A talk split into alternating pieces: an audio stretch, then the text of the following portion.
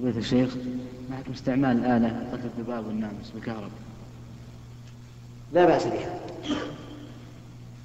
يسأل عن استعمال الآلة التي تعلق لقتل الذباب والبعوض فنقول لا بأس بها لأن هذا ليس تعذيبا بالنار وإنما هو بالصعب.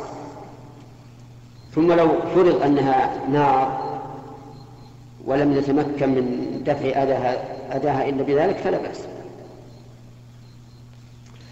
No.